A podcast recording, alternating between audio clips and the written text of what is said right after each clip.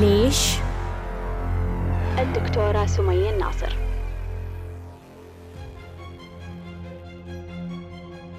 مساء الخير مساء الحب مساء السلام مساء الجمال. مرحبا بمستمعينا على بانوراما إف إم في ليش؟ ليش ليش ليش ليش؟ واليوم ما عندنا سؤال عندنا مجموعة من الأسئلة. حلقة خاصة بمناسبة يوم الأم وأسئلتنا هل الأم تملك أبنائها؟ وهل تملك الحق في نقل كل ما تؤمن به في الحياة لهم؟ هل يحق للأم اختيار مستقبل أبنائها؟ هل الأم مسؤولة عن فشل أبنائها؟ مين ممكن يحاسب الأم لو أخطأت على أبنائها؟ هل تعرف أم أخطأت على أبنائها؟ ماذا فعلت؟ وهل تمت معاقبتها؟ إلى أي حد يحق للأم معاقبة أبنائها على غلط أو خطأ؟ هل تتدخل لو رأيت أم تخطئ على أبنائها؟ هل أنت تتدخل؟ تتصرف تسوي شيء؟ هل على الطفل أن يسكت على سوء المعاملة أم يعلم كيف يحمي نفسه في المنزل؟ هل على الأبناء أن يقبلوا اختيارات أهلهم مهما كانت لا تناسبهم؟ هل مجتمعاتنا تحمي حقوق الطفل بشكل كافي؟ وجهت هذه الأسئلة للمجتمع وأبغى أشوف كيف الناس تنقلنا تقارير من واقعها من الحياة اللي هي تعيش فيه. دكتور باسل يقول الوالدين هم وسيلة يعبر من خلالها الجسد للأرض وتبقى روح الإنسان هبة من الله. ونفخت فيه من روحي لكن للأسف مجتمعاتنا العربية جعلت من الإنسان جسد وروح من ممتلكات والديه. يحق لهما التصرف والتحكم فيه كما يريدون. وكله من منطلق التطرف في الأخذ بأحكام الدين وتجاوز حقوقهما التي أقرها لهما الدين. فأصبح الفرد منا عبارة عن ضحية الضحية لأن الوالدين نفسهم كل واحد منهم هو ضحية والديه وهكذا. لما أتذكر إذا أنتم تذكرون معي تحدثنا عدد من المرات في قصص الدراما العائلية قصة رانيا قصة أفنان قصة ملك كانت بالنسبة لي مثل هذه القصص صادمة. صادمة بالنسبة لي أنه فيه أم تكوي أبنائها عشان تعلمهم الصح والخطأ. صادمة بالنسبة لي أنه في بنات يتعرضون للتحرش في المنزل والأم مشغولة. صادمة بالنسبة لي أنه فيه أهل يطلبون من أبنائهم أنهم ينظفون البيت والحديقة وعندهم يعني مسؤوليات طويلة وعريضة. فبالتالي يعني فكرت أنه يمكن أنا ما قدرت أشوف بشكل جيد إيش القصص اللي قاعدة تصير في المجتمع. إيش القصص اللي خلف الأبواب؟ إيش المشاعر اللي خلف الأبواب؟ ماذا يقول الأطفال؟ ماذا يقولون؟ هم ما يقدرون يقولون شيء لكن لما يكبرون يقولون ويعلمونا. فإحنا نتحدث باسم المجتمع. لينا تقول المجتمع العربي مجحف في حقوق الطفل ويبالغ في حقوق الوالدين وكثير من الأحيان لا يوجد نظام قانوني لحماية الطفل من أهله الغير مؤهلين لتربيته وكثير لا يستحقون أطفالهم. أنا أعتقد أن هناك نظام لحماية حقوق الطفل لكن ما حد يدري عن الأذية اللي جوا المنزل. ليش؟ لأنه ما في ثقافة حقوق الطفل. يعني لو وصل الموضوع إلى الشرطة أو الوزارة راح تتصرف الوزارة لكن إحنا ما نوصل هالخطوة أصلا. المشكلة جوا البيت ما حد داري عنها بنت انكوت ما حد داري عنها بنت تعرضت لتحرش جنسي ما حد داري عنها وهذه المشكلة أنه إحنا لازم نثقف أطفالنا قبل ما نثقف الآباء والأمهات لأنهم أحيانا يكون هم أعداء أطفالهم. فنثقف أطفالنا كيف هم يحمون أنفسهم كيف هم جوا المنزل والباب مغلق يعرفون ينقذون أنفسهم لو تعرضوا لأي شيء سيء. ميسة الناصر تقول أنا وصلت لقناعة أن أحسن ما تقدمينه لأبنائك أن تكوني أم سعيدة مليئة بالطاقة. إذا اشتغلتي على نفسك من الداخل ونظفتي وعشتي حياة طيبة سوف تعيشين معهم المتعة والبهجة وتتعرفون مع بعض على نوع جديد من مشاعر حب لم تجربوها من قبل. سوف تدركين أنهم لهم حق وحرية الاختيار وأن دورك أن تكوني نموذج جميل أمامهم. أدرك معنى الحياة وتعلم طرق التوجيه بالحكمة والأسلوب الحسن. وأسئلة كثيرة عن واقع الطفولة وواقع الأمهات في العالم العربي. سعود يقول أعتقد أن الفكرة السائدة في عالمنا العربي أن الأبناء ملكية خاصة للوالدين يحق لهم التصرف فيهم كما يشاءون إلى أن يشاء الله ويأخذ أمانته. ما أعرف إذا إذا فعلا هذا الشيء ملاحظ وأنا الآن أنقل يعني رأي الشارع زي ما يقولون متجردة عن رأيي الخاص. أنه الناس الآن في أكثر من من رأي يعتقدون أنه الآباء والأمهات ما زالوا غير ناضجين لفكرة أنه أبنائكم مش مش لكم ترى. أبنائكم مش لكم. هم هم ولدوا ووجدوا من خلالكم فأنتم عندكم مسؤوليات تجاههم لكن أنتم ما تملكونهم مئة بالمئة. وإلى أي درجة يحق لهذا الأم أو الأب أنهم يتصرفون في مستقبل أبنائهم. هذه أماني أه تقول أنه قبل ما تكون في قوانين لمعاقبة الأم والأب يجب أن تكون هناك كورسات لتعليمهم التربية بحب قبل الإنجاب. وصراحة كلام أماني صحيح يعني ما نقدر مثلا ناخذ أم أه يعني غير متعلمة غير واعية أو أب غير متعلم غير واعي. أه ما درس أساليب التربية. هو شاف أبوه يربي شاف طريقة التربية. كوي ضرب يعني كف على الوجه بالجزمة بالشبشب ويعامل الطفل كأنه شخص بالغ ويقسو عليه ويصرخ عليه ويرهبه ويرعبه ويهدده بالحيوانات ويهدده بالنار ويهدده يعني أشياء كثيرة. فهو كيف يعرف أنه هذه التربية غير صحيحة؟ وكيف يعرف طريقة التربية الصحيحة إذا ما علمناه؟ إذا إحنا ما ما يعني ثقفنا المجتمع على هذا الموضوع وبعدين نحط قانون للمعاقبة قبل ما نحط قانون للتعليم. فهو لازم الأم بما أن في يوم الأم نركز شوية على الأم لازم تعرف أنه سلوكها غلط. قبل ما نقول لها تعالي بنعاقبك عشان سلوكك غلط. لازم تعرف أنه هذا غلط. فإحنا لابد يعني كمجتمع لابد نتحدث إلى أي درجة إلى أي حد الأم يحق لها تعاقب أبنائها. لابد نتحدث بصوت عالي. الكل لابد يتحدث بصوت عالي عن هذا الموضوع. إلى أي درجة يحق للأم تعاقب أبنائها. يعني إحنا إحنا ما نبغى أنه ما نعرف إلا لما يموت الطفل. ما نعرف إلا لما الطفل يتسلسل ويتشوه. لا نبغى قبل. نبغى نتحدث كلنا بصوت عالي في كل مكان عشان الأمهات يعرفون. إحنا إحنا ما نعرف وين الأم هذه عشان ناخذها ونسوي لها كورس وندربها. والأم اللي غالبا ما ما ما مش مهتمة بأطفالها في الغالب ما راح تروح تاخذ كورس أصلا. ولا راح تقرأ أصلا. والموضوع مش مهم بالنسبة لها ومشاعر أطفالها مش مهمة بالنسبة لها. لكن لما أنا أتكلم في الراديو لما كل إعلامي ومذيع يتحدث في المجلة وفي الجريدة وفي التلفزيون نقدر نوصل لكل الأمهات.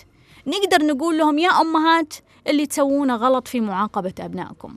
يا أمهات لا يحق لكم أنكم تعاقبون أبنائكم بهذه الطريقة. يا أمهات أبنائكم ليسوا ملككم. أبنائكم يمرون برحلة من خلالكم. فيجب أنكم تهيئون هذه الرحلة وهذه مسؤوليتكم. هيلا تقول غالبا سيطرت الأم لأنها تبي الأفضل لأبنائها حسب وجهة نظرها لأنها حابة تطلع بصورة حلوة قدام المجتمع بغض النظر عن رغبات أبنائها الحقيقية وسعادهم وسعادتهم. وكأن هيلا تتحدث عن ليش الأمهات أحيانا يتصرفون سلوكيات يعني غير غير منطقية وغير مبررة. يعني لما تلزم أبنائها بشيء أو تضغط عليهم بشيء يمكن تضغط على أبنائها بزواجة معينة يمكن تضغط على بناتها بطريقة حياة معينة والسبب أنها ترضي المجتمع لأنها هي بعد مضغوطة من المجتمع. وهذا يعني أنه يمكن إحنا نحتاج نتحدث عن أنه ليش المجتمع يضغط على الأم ويلزمها أحيانا يحاسبها على أخطاء أبنائها. أحيانا يحاسبها ليش ولدك تزوج فلانة؟ ليش ولدك تزوج من برا البلد؟ ليش ولدك تزوج من برا القبيلة؟ ليه؟ طيب هي مو ولدها. ليش إحنا نحاسبها على هذا الشيء؟ ليش بنتك ما نجحت في الجامعة؟ طيب هي مسؤولة يعني تمسكها يعني وتدرسها حرمة كبيرة طول وعرض تمسكها وتدرسها وتعلمها كيف تدرس في الجامعة؟ طبعا لا مو مسؤوليتها. هذا خالد يقول أمي سمتني على عمها عناد في أبوها وأبوي زعلان إن أمي حملت فيني وقال لها وش نبي بعيال زيادة؟ يعني يعني جية الحياة كلها هوشة. طبعا إحنا ما نعرف ما نعرف ملابسات الموضوع عشان نقدر نحكم بس خالد نموذج لبعض الأطفال اللي هم الآن شباب اللي اللي لاقوا ويلات أيام الطفولة وهذه ردة فعلهم على آبائهم وأمهاتهم. يعني أبغى أقول لكل أم وأب إذا كان الله لا يهمك إذا كان القانون لا يهمك ترى ولدك هذا بكرة وبيكون عنده ردة فعل بيكبر وبيكون عنده ردة فعل. يعني فكر على مستويات متعددة. فكر إنه الله بيحاسبك على على سوء تعاملك مع أطفالك. okay يمكن الله مش مهم بالنسبة فكر في القانون. okay فكر في المجتمع. فكر في هذا الطفل اللي أمامك. ممكن بكرة يكبر وياخذ موقف منك. مثل خالد الآن شيء صادم بالنسبة لي أنه في أحد ياخذ هذا الموقف بالنسبة لوالديه. مع أن في مجتمع ديني ومحافظ ونتحدث طوال الوقت عن حقوق الوالدين. ومع ذلك هو قال لك خلاص أنا ما عاد أتحمل. اللي شفته شيء يعني ما يحتمل. منى تقول الأم لا تملك الأبناء وإنما هي فترة من التربية الصالحة في وقت أنهم غير قادرين على أنفسهم. وبعد سن معين تترك لهم الخيارات في الحياة وتخليهم يبحثون عن مستقبلهم والأشياء اللي يحبونها. وتبقى هي الداعم لهم في الوقت اللي يحتاجونها. أهم شيء يكون الأساس متين وصح. وأنا ألمح كثير من أمهات الجيل الجديد يؤمنون بتعدد الخيارات وبتعدد الطرق وبتعدد المستقبل وإنهم راح يسمحون لأبنائهم بخيارات متعددة. كثير رسائل وصلتني حول هذه الفكرة وأتمنى إنه هذه تكون فعلا مطبقة على أرض الواقع. إنه لو ابنك جاك وقال لك والله بتزوج واحدة انت أنت مو مقتنعة فيها ومو عاجبتك إنك تقولين خلاص هذا خيارة وأنا أقبل بهذا الخيار. لو بنتك قالت لك أنا بتزوج فلان وهو يعني مو من القبيلة ولا مو من الجنسية ولا مو من الطائفة أنه تقولين خلاص هذا خيارها وأنا أنا راح أقبل. أتمنى أنه إحنا فعلا نقصد ما نقول وأنه هذا الكلام ما يكون نظري. سمية القحطاني تقول إنه الأم لا تملك أبنائها الأرواح ليست ملكية لبعضها ابدا. ابني هو نعمة جميلة في حياتي لكنه ليس ملكي وله كامل الحرية في اختياراته عندما يكبر ويقرر أن يختار. أما في طفولته وقلة خبرته فسأجتهد في حمايته وتوجيهه وفق أفكاري ومعتقداتي التي أحاول أن أراجعها كل فترة وأخرى لأضمن أني لا أسلبه الاختيار عندما يكبر. منى تقول نسمع عن حقوق الوالدين وطرق برهم أكثر شيء لأن المعتقد السائد عندنا أن الأبناء خلقوا لخدمة الوالدين واللي يحاول يشكك في هالكلام يعتبر عاق وسيدخل جهنم من أوسع أبوابها. والله شوفي يا منى هو فعلا إحنا إحنا درسنا كثيرا حقوق الوالدين ولا أعتقد إن هذا خطأ أعتقد إن هذا صحيح ويجب أن تستمر المناهج في تدريس حقوق الوالدين لكن أيضا يجب أن تدرس حقوق الأطفال لأنه البنت أو الولد اللي يدرسون في المدرسة هذولا عندهم إخوانهم أطفال عندهم أيضا هم يوم من الأيام راح يصيرون آباء وأمهات فيجب من الطفولة إنه زي ما إحنا ما نبذر حقوق الوالدين من للطفل ويجب أن نبذر هذه البذرة الصاحي الصالحة والصحيحة. أيضا يجب أن نبذر بذرة حقوق الطفل منذ منذ الصغر. دكتورة رباب تقول مجتمعاتنا لا تحمي حقوق الطفل بل حطت الأم كأنها آلهة مقدسة وفي محيطي أرى حياة العديد من الناس محطمة لأنهم لم يستيقظوا وجعلوا من أمهاتهم آلهة.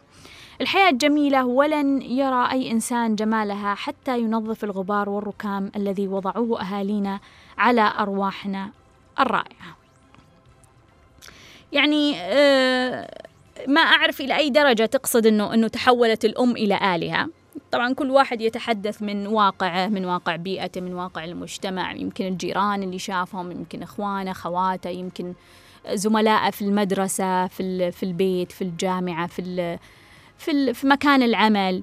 يمكن هي شافت إنه في مثلا آه، أشخاص اختاروا اختيارات آبائهم وأمهاتهم. مثلا الأب قال له أنت لازم تاخذ التخصص الفلاني أنت لازم تتزوج فلانة أنت لازم تجيب مثلا خمسة أطفال أنت لازم تسمي الطفل الأول كذا والطفل الثاني كذا أنت لازم تسكن في المكان الفلاني أنت.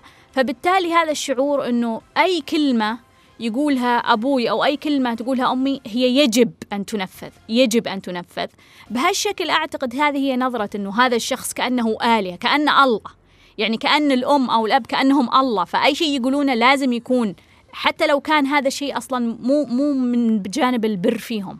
شيء كخيار من خيارات الحياة. يقول لك لا انت لازم تسكن في هالبيت الأبيض ما تسكن في البيت الأخضر. طب أنا أحب البيت الأخضر أكثر؟ لا البيت الأبيض لأني أنا أحبه أكثر مثلا كأم أو كأب. وهذه إشكالية كبيرة إحنا في عندنا في المجتمع إنه إحنا مو قادرين نفهم معنى البر وإلى أي درجة يجب أن نبر وإيش الفرق ما بين البر وما بين إن نحول الشخص إلى آلهة؟ بر الوالدين بر الوالدين يعني إنه أنت يجب أن تحترم والديك. هذا الموضوع يجب يعني ما مو الموضوع خيارات والله إذا هو كويس أنا أحترمه إذا هو مش كويس ما أحترمه وأطول لساني عليه. إذا هو طول صوت علي يعني أنا أطول صوتي عليه. لا يجب أن تحترم يجب أن تقدر يجب أن تقدر لأنه كثير من الأحيان صحيح نحن قاعدين نتكلم عن آه، كثير من أو بعض الأمهات اللي عندهم سوء تربية لكن راح تجد كثير أيضا من الأمهات والآباء اللي أحسنوا لأبنائهم. أو مثلا هذه الأم اللي إحنا نعتبرها سوت جريمة في حق طفلها كوت طفلها مثلا. أنا أعتبر كوي الطفل جريمة سوت في طفلها جريمة. بس لا تنسى إنه هذه الأم هي عندها برضو فضل إنها سوت شيء ثاني جيد. فبالتالي يجب أن تقدر على الأعمال اللي هي سوتها. يجب أنه إحنا نتذكر أنه من البر تقدير عملها اللي سوته الشيء الخير اللي هي سوته حمل ولادة قد تكون يعني أحسنت مثلا في التعليم وأساءت في التربية، قد تكون أحسنت في التربية وأساءت في التعليم، قد تكون أحسنت مثلا في تغذية ابنائها، قد تكون مهتمة بالغذاء والطبخ الجيد، يعني إلا ما يكون في زاوية تستحق عليه التقدير. أيضا بر الوالدين يعني لما يحتاجونك تكون موجود. لما يحتاجونك يقول لك أبغى الشيء الفلاني أحتاج الشيء الفلاني أحتاج المساعدة الفلانية. تكون موجود. إنه احتياجاتهم ملباة. مو إنه والله احتياجاتهم مش مهمة بالنسبة لك أو اختيارية بالنسبة لك. لا احتياجاتهم إلزامية بالنسبة لك. يجب تلبية احتياجاتهم. إنك توفر لهم حياة كريمة مثل ما توفرها لنفسك. إنك أنت يعني خلينا نقول أنت مستواك جيد ممكن إنك آه، يعني ساكن في بيت جيد تركب سيارة جيدة تاكل أكل جيد. يجب أن يحصلون على هذا المستوى اللي أنت فيه. لكن والله إذا كان مستواك ضعيف أقدر أتفهم أنه أنت ما تقدر تعيش في مستوى جيد. هذا هذا هذا ما نعنيه بقولنا أنه أنت تبر والديك. هذا هو البر أنك أنت تحسن لهم. لكن مثلا أمك تقول لك طلق زوجتك. لا هذا مو بر. هذا مو بر هذا هذا لا يجوز أصلا. لا يجوز إنك تظلم بنت الناس عشان وجهة نظر أمك. أو مثلا كبنت تقول لها أمها لا انت لازم تتركين هذا الرجال خلاص اتركي زوجك. أو مثلا تقول لك لا قولي لي وش زوجك وش يقول؟ لا هذه أسرار خاصة ما بين الزوج وزوجته. لا يحق للأم ابدا ولا ولا ولا هي موجودة تحت مسمى البر أصلا. ما هي موجودة تحت مسمى البر؟ فيجب أنه أنا أفرق ما بين البر وما بين الأخطاء السلوكيات المجتمعية اللي إحنا نسويها. وما حد قال لنا إنها بر بس كذا إحنا اعتقدنا في برمجة اجتماعية اعتقدنا إنها بر. لما مثلا آه هذه حادثة حصلتها آه حصلت آه أمامي واحد من الشباب كان عنده علاج في ألمانيا. أمه قالت له لا ما تروح. ما تروح لا. ما تروح. تضرر أكثر. بالتالي مثل هذا القرار مش بر. إنك تسمع لها في هذا الوقت مش بر. لما مثلا أمك أو أبوك يطالبك إنك تقاطع رحم عشان هو مختلف معاهم مثلا يقول لك والله آه لا تسلم على عمك. آه أمك مثلا ممكن تقول لك لا تسلمين على عماتك لأنه أنا زعلانة منهم. مش بر. مش بر هذا. هذا إحنا إحنا تحولنا إحنا إحنا غيرنا مفهوم بر الوالدين إلى شيء آخر بعيد تماما عن الدين وبعيد تماما عن الصح وبعيد تماما عن إننا نوصل لنتيجة صحيحة. إحنا كأن بهالطريقة نجعل الأشخاص يستمرون في أخطائهم يستمرون في طغيان وفي ظلم. إنه أنت تسمح لها إنها تتدخل في حياتك وفي عائلتك وفي أسرتك وفي زواجك. تقول طلقها لا تطلقها رجعها من بيت أهلها لا ترجعها من بيت أهلها. لا. ما أرضى عنك إلا مثلا لما تقاطعين عمتك ما أرضى عنك إلا لما تقاطعين جدتك. لا ما يحق لها ما يحق لها أمك. فخلونا نفرق ما بين أنه إحنا نبر هذا يجب يجب أن نبر بأهلنا وبأمهاتنا وآبائنا. هذا مش الموضوع اللي أصلا إحنا نتحدث عنه. إحنا نتحدث عن موضوع مفاهيم مغلوطة. المجتمع فهمها أنها بر وهي مش بر. حتى الدين منها بريء. الدين منها بريء. فيجب أن تحترمهم وتقدرهم وتوفر لهم احتياجاتهم وتوفر لهم حياة كريمة ولما يطلبونك تكون موجود. عندي برضو آه تعليق جميل من سهى تقول الأم لها الحق في كل شيء أحبك أمي غاليتي. الأم لها الحق في كل شيء ما أعرف هذه كل شيء إيش. وهذه من الكلمات اللي قد ترى على فكرة تدخل الإنسان في دائرة يعني ما يعرف وش الحق في كل شيء. يعني بكرة لما تقول لها أمها مثلا اتركي زوجك تقول أي حق لها في كل شيء. هذا هو الخلل اللي اللي إحنا ورطنا أنفسنا فيه. هو أصلا مش موجود في الدين. إحنا إحنا اخترعناه. فاطمة تقول كيف يعطون الأبناء آه الآباء إذا كبروا الحب والحنان وهم لم يشعروا به ولم يسمعوا عنه وهم صغار؟ فقصدها أنه فاقد الشيء لا يعطيه. وأنا أعتقد أنه فاقد الشيء يعطيه. أعتقد في بعض الأحيان أنه الشخص يقدر يطور من نفسه ويحسن من نفسه. أعتقد أنه أنت تقدر حتى لو كان عندك أم وأب آه، يعني غير جيدين أو حتى مجرمين كووك ولا حجروك في مكان ولا سووا لك مصيبة ولا يعني سووا أي أي شيء مؤذي بالنسبة لك. أعتقد أنك تقدر تحسن مشاعرك تقدر تغير من مشاعرك تقدر تنظف كل الماضي هذا والطفولة اللي مريت فيها وتقدر تستطيع أنك أنت آه، تحترمهم وتعطيهم الحب والحنان مع كل الظروف اللي أنت مريت فيها لأنك في واقعك الحالي أنت مسؤول عن ظروفك يعني يعني ما أقدر أفهم شخص يرمي مسؤوليته أو مثلا عدم وجود مشاعر جيدة في حياته على أمه وأبوه لا انتهى هذا الزمن. زينب تقول الدين بريء من التصرفات الهوجاء للآباء والأمهات. الله لا يرضى الظلم. الحقيقة أنه كل مرة أكاد أفقد السيطرة على نفسي بسبب متاعب الأبناء الدين هو الرادع لي. أعلم بأن الله يرى وهؤلاء أمانة الله عندي. وهذا صحيح. صحيح أنه آه، يعني لا لا يمكن تصور لا يمكن تصور إلا في شيء في مكان غير متزن إنه يكون في حقوق للوالدين ولا يكون في حقوق للطفل. الدين جاء باحترام الجميع وتقدير الجميع وحفظ حقوق الجميع فلا يمكن لا يمكن أتصور لا يمكن أتصور إنه الدين يأتي لحماية الوالدين ولا يأتي لحماية الطفل. بالعكس فبالتالي شيء جميل إني أسمع من مثل زينب إنها تقول يعني هي في غرفة مغلقة مع أطفالها تقول ما يردعني إلا الدين. الدين هو اللي, اللي يذكرني إنه لا يحق لي إني أنا أتصرف مع هذه الأطفال. نورة تقول وفي غير الأم دمر حياتنا؟ شكل عندها قصص. أمل تقول لا يحق للأم ولا الأهل اختيار مستقبل الأبناء. كل واحد له الحق في اختيار مستقبله. لهم الحرية في الاختيار بحب. برضو آمال تقول لا أعتقد دور الأم في حياة الطفل هو وهو في بطنها حتى عمر ثلاث سنوات تقريبا تكون تعطيه حب احترام مساحة حرية تعبير لذاته لأفكاره لمشاعره. تتعامل معه بتوازن بأنه محبوب مرغوب رأيه مهم وموجود وله كيان. بعد خمس أو ست سنوات لحتى آخر عمر في حياته الآن ينتهي دورها في الرعاية لأنه هنا هو إنسان حر تماما.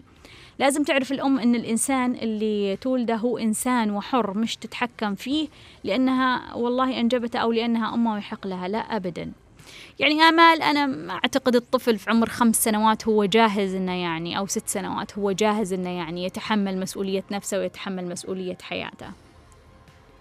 ريم تقول التربية جدا صعبة للأم الواعية قبل الأم غير الواعية. برأيي اللي ما عندها قدرة على التحمل لا تكثر بالخلفة راح يستنزفون طاقتها ولا تستطيع تربيتهم بالشكل الصحيح. وأنا أؤمن بكلام ريم أنه أنتِ ما تشعرين إنك جاهزة للأمومة؟ ما تشعرين إنه أنت يعني عندك طاقة إنك تكونين أم؟ ما تشعرين إن عندك النفس الطويل إنك تتحملين؟ طفل يصيح بجنبك ما تضربينه طفل يخطي ما راح يعني تكوينه ولا تعرض. طفل يعني لازم تتابعينه كل يوم لازم تدفعين عليه فلوس. إذا أنت يعني مو مستعدة تتحملين هذه المشاعر اللي قد تكون متضاربة قد يكون طفلك عنيد قد يكون طفلك مريض قد يكون طفلك عنده مشاكل كثيرة. إذا أنت مو مستعدة تتحملين فبالتالي قد ما تكوني مستعدة للأمومة. فممكن إنك تأخرين فكرة الأمومة وممكن إنك تقرأين أكثر في التربية تستعدين أكثر. فكرة الاستعداد فكرة جيدة. فكرة الاستعداد فكرة جيدة إنه قبل ما تقررين إنك تجيبين طفل لأنه كل الناس جابوا أطفال خلني أستعد. ليش لا؟ خلني أستعد إنه أنا كيف أربي هذا الطفل؟ كيف أعلم هذا الطفل؟ كيف أدفع أموالي لهذا الطفل؟ هل كل ما طلب شيء اعطيه ولا لا؟ يحتاج الموضوع دراسة. كيف أعلمه؟ هل كل شيء أنا أؤمن فيه أعلمه؟ ولا أخليه له مجال للتفكير؟ هذه كلها يبغى لها استعداد وفهم للتربية. الطريقة اللي انت تاخذينها من أمك وأبوك ما عادت تنفع. ما عادت تنفع. خلاص الجيل هذا جيل مختلف ولا عاد يستطيع آه، التربية الطريقة التربوية اللي أنت تعلمتي فيها. ما عاد تناسب هذا الجيل. فكل جيل له طرقه التربوية. فإذا أنت ما تبغين تتعلمين ففي الغالب أنت مو مستعدة. وإذا أنت مو مستعدة أحسن لك أنك أنت ما تتورطين في هذه الورطة لأنه أنت المتضررة في النهاية. مشاعريا فكريا ماديا أنت متضررة إذا أنت مش مستعدة. بس ما تقول أعرف امرأة مسؤولة عن فشل أولادها الذكور ونجاح بناتها. هذا أحسه لغز ها؟ تقول مسؤولة عن فشل أولادها الذكور ونجاح بناتها. وكأن بس ما تقول أنه كانت يمكن الأم غير جيدة مع الأولاد وجيدة مع البنات أو داعمة مثلا للبنات ومحطمة للأولاد. يعني يمكن شيء من هذا القبيل. وهذا نرجع لقصة التفريق بين الآباء بين البنات والأولاد في المنزل وكيف لها أثر في المستقبل على الطفل. دينا تقول أستغربت سماعي لأمهات لديهم مفهوم استفيدي من ابنك قبل لا تزوجينه. تكبرينه وتصرفين عليه وهي تجي تاخذه بارده مبرده.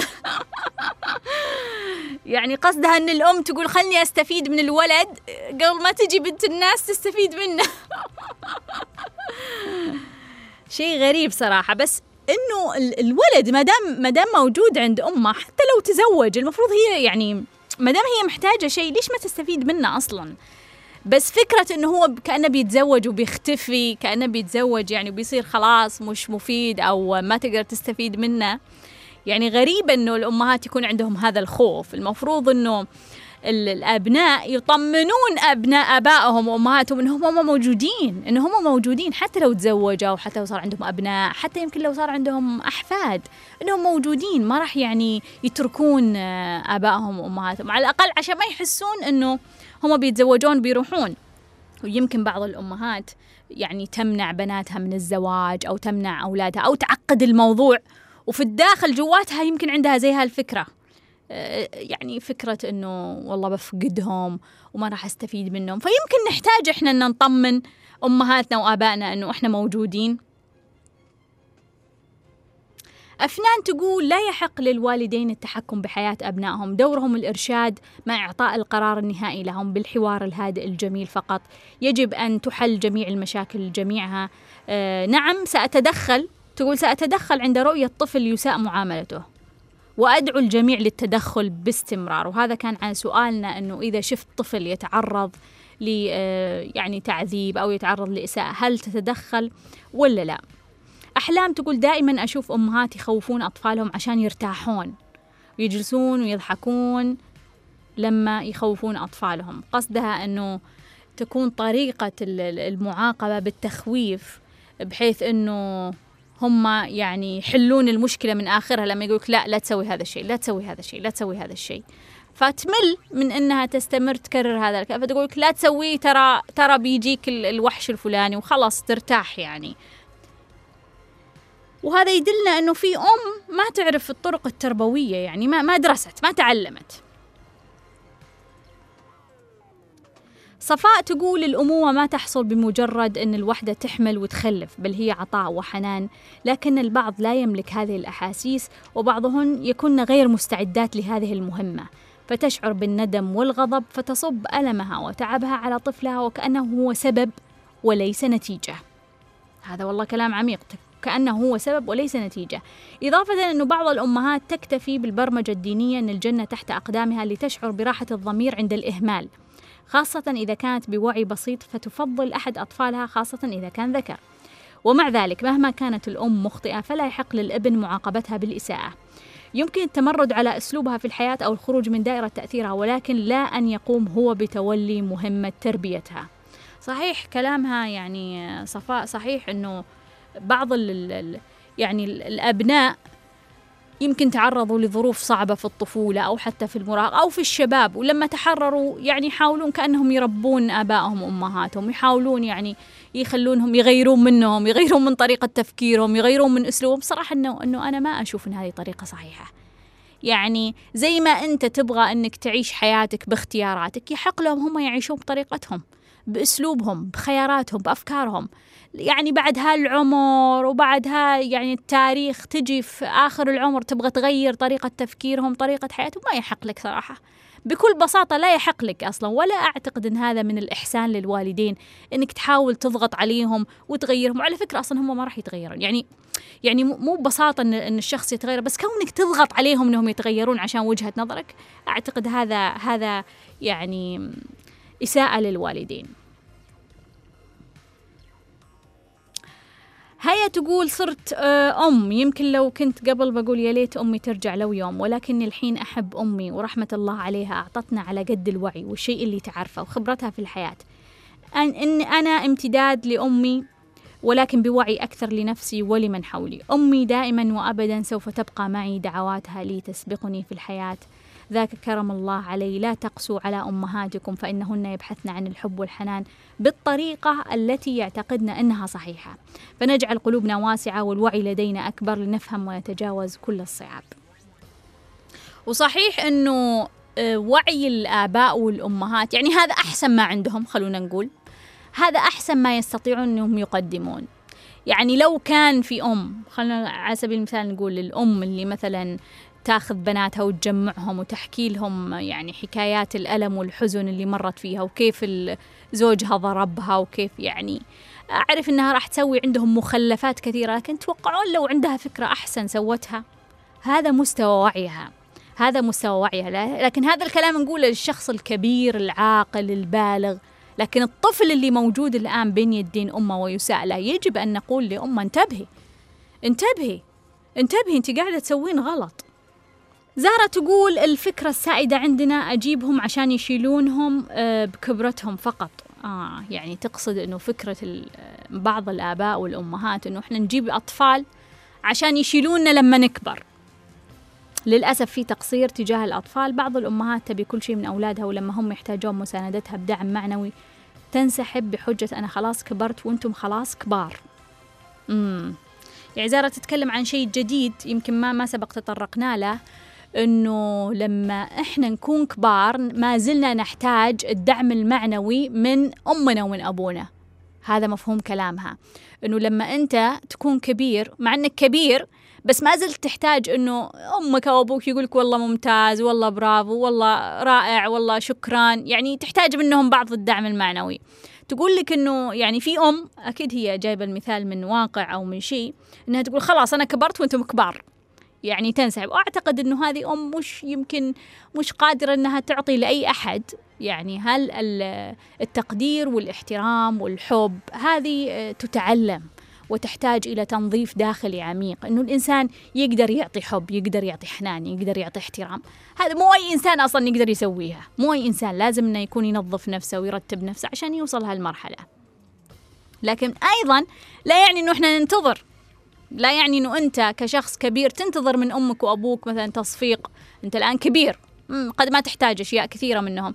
بس لا يعني إنك تنتظر تصفيق أو شكر أو ثناء أو تقد خلاص هذه إمكانياتهم هذه قدراتهم. لو بيطلع منهم طلع منهم. وفاء تقول عرفت امرأة زوجت عيالها واختارت أسماء أبنائهم وزوجت الأحفاد واختارت لهم التخصصات. وحتى الوظيفة هي اللي اختارتها. وزوجت الأحفاد طبعا الأم والأب ديكور. ما حد له حق يتكلم. حتى الديكور والأكل هي كانت تختارها والله ما شاء الله هذه هذه قوية هذه. شلون سيطرت على الموضوع كامل.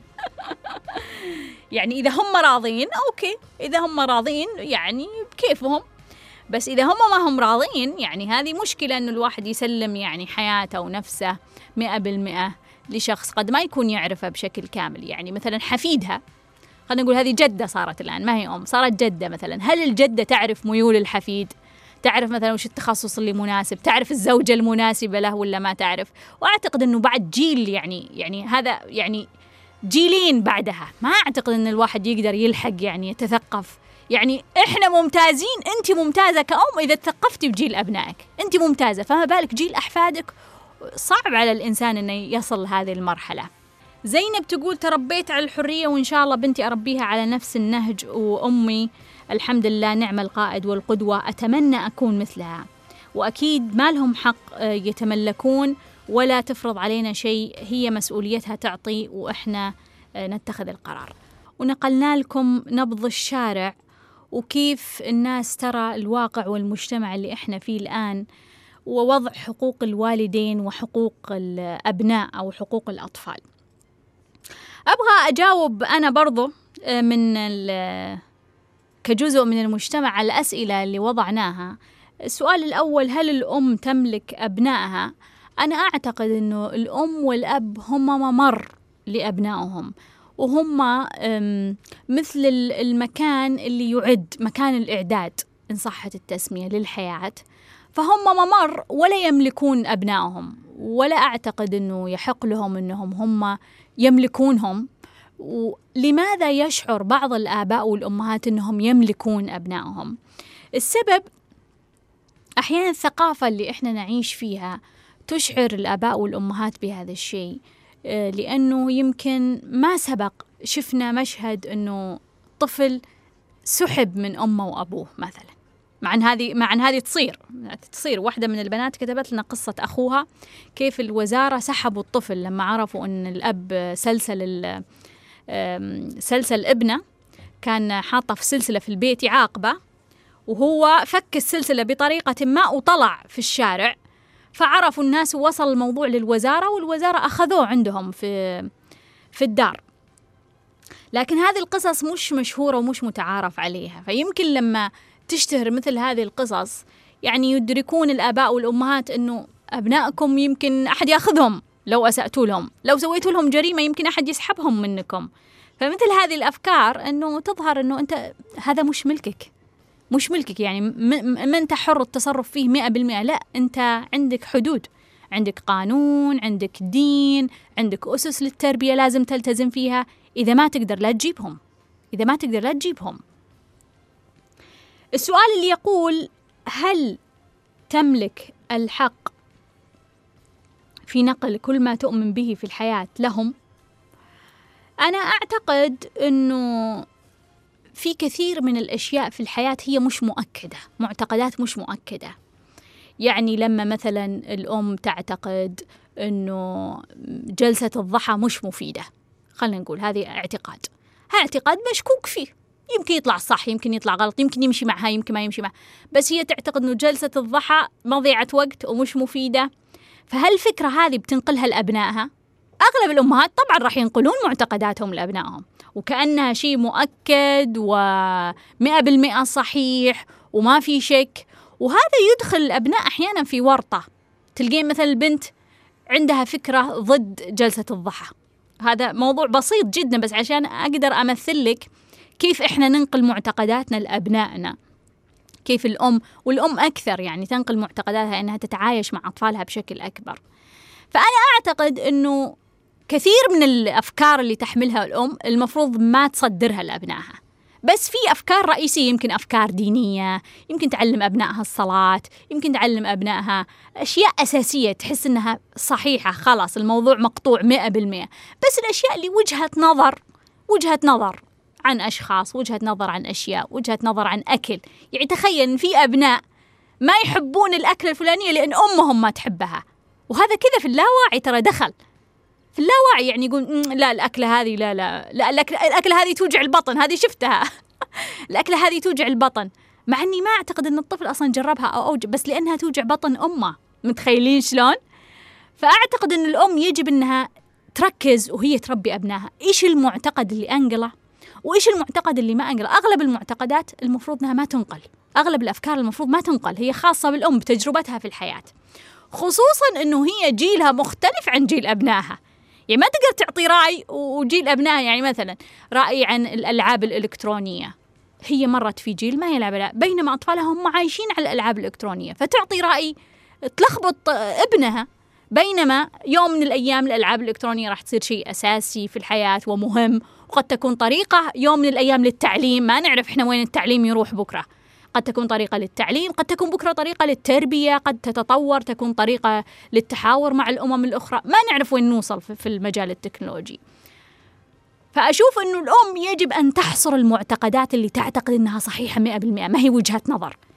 اللي معتقدات صحيحة 100% هي اللي تنقلها. الأشياء اللي وجهة نظر لا تحافظ عليها لنفسها. هل يحق للأم أنها تختار مستقبل أبنائها؟ لا. لا يحق أبدا للأم أنها تختار مستقبل أبنائها. أبدا. يحق لها أنها تقترح. أنها يعني تقول مثلا إيش رأيك في كذا؟ ترى عندك المهارة الفلانية. جيد إنها تساعد أبنائها على إنهم يعرفون نقاط قوتهم نقاط ضعفهم. ترى أنت ما تقدر على المادة الفلانية. ترى أنت تقدر على الرياضيات. ترى أنت ما تقدر على الأدب. ترى أنت تقدر ترى على فكرة تذكر يوم رحت المكان الفلاني ترى كنت تحب الموضوع هذا. تذكر يوم رحت المكان الفلاني ترى كنت متضايق. يعني تساعد أطفالها إنهم يفهمون أنفسهم. هذا دورها. برضو هل الأم مسؤولة عن فشل أبنائها؟ إذا كان الابن أقل من 21 سنة نعم. نعم هي مسؤولة عن فشلهم. لأنهم ما زالوا في دائرتها وفي طاقتها فهي مسؤولة عن فشلهم. مئة بالمئة مسؤولة عن فشلهم فشلهم الدراسي. يعني إذا فيه طفل فاشل دراسيا في الابتدائي الأم مسؤولة نعم. الأم والأب بس إحنا لأن في يوم الأم. نعم مسؤولة.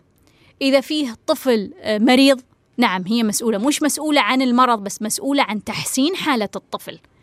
إذا فيه مثلا طفل عنده مشاكل نفسية في الابتدائي ولا في المتوسطة ولا في الثانوية الأم مسؤولة. نعم مسؤولة. مسؤولة. طفلك خجول؟ مسؤولة. طفلك لا يثق بنفسه؟ مسؤولة. طفلك يتعرض للتنمر؟ أنت مسؤولة. طفلك يتعرض للتحرش؟ أنت مسؤولة.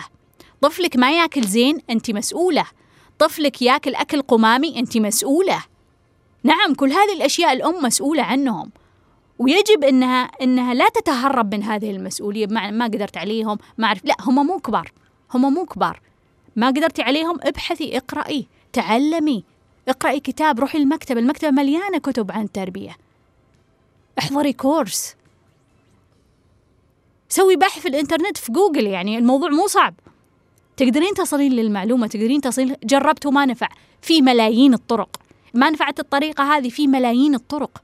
مو شرط طريقتك صحيحة. ابحثي عن طرق أخرى. وأنا أعرف تماما أنه المرحلة اللي إحنا نمر فيها مرحلة صعبة في التربية. والسبب؟ والسبب بكل بساطة أن كل اللي يتحدثون عن التربية هم في عمر كبير. ولا يستطيعون أن يتصلون بالجيل الجديد جيل التكنولوجيا. أي شخص الآن يتحدث عن التربية غير متعلم كفاية بالجيل الجديد. غير متعلمين. بكل بساطة.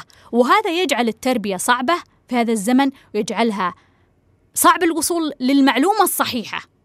ولما تطبق الأم قد تحتاج أنها تطبق عدد من المرات حتى تصل للطريقة الصحيحة. وهذا يجعل على الأم حمل ثقيل وأنا أعرف هذا الشيء. أعرف و... و... يعني أتابع كثير من الأمات يرسلون لي رسائل ويتحدثون عن صعوبة التربية أعرف. لكن بما أنك قررت أنك تكونين أم لابد تتحملين هذه المسؤولية. أنه عندك مسؤولية أنك تثقفين نفسك وتعلمين نفسك. وقد ما تجدين معلومة صحيحة وتضطرين تطبقين وتبحثين وتطبقين وتبحثين. يمكن تجدين طريقتك الخاصة في النهاية. فبالتالي يجب أن تتذكر لما تسمع الشخص يتحدث عن التربية ذكر نفسك أنه هذا يتحدث عن التربية وفقا للجيل اللي هو فيه. ولو شوي يتثقف وفقا للجيل اللي بعده. بس يعني بس ما أحد يستطيع أن يفهم عمق الأطفال اللي موجودين الآن لأنهم يعيشون حياة مختلفة تماما. يعيشون يعيشون وسط الآيباد وسط الجوال وسط الألعاب الإلكترونية. كيف ممكن أحد يقدر يفهم عقليتهم؟ يحتاج لأنه يعيش كما هم عشان يفهم عقليتهم. لذلك هذا هذا شيء صعب وهذا يجعل التربية جدا معقدة وصعبة. والزمن اللي إحنا نمر فيه صار في جاب وفارق كبير ما بين الأمهات والآباء. بعكس الزمن الماضي يعني بعكس مثلا الزمن اللي أنا كنت فيه طفلة كانت الحياة حياة الطفولة مشابهة لحياة أمي وأبوي. يعني كنت ألعب بالعروسة وألعب ملاعب ملاعب المطبخ مثل الألعاب اللي لعبوا فيها أمي وأبوي. وألعب بالصقلة والحجر مثل الألعاب اللي لعبوا فيها أمي وأبوي.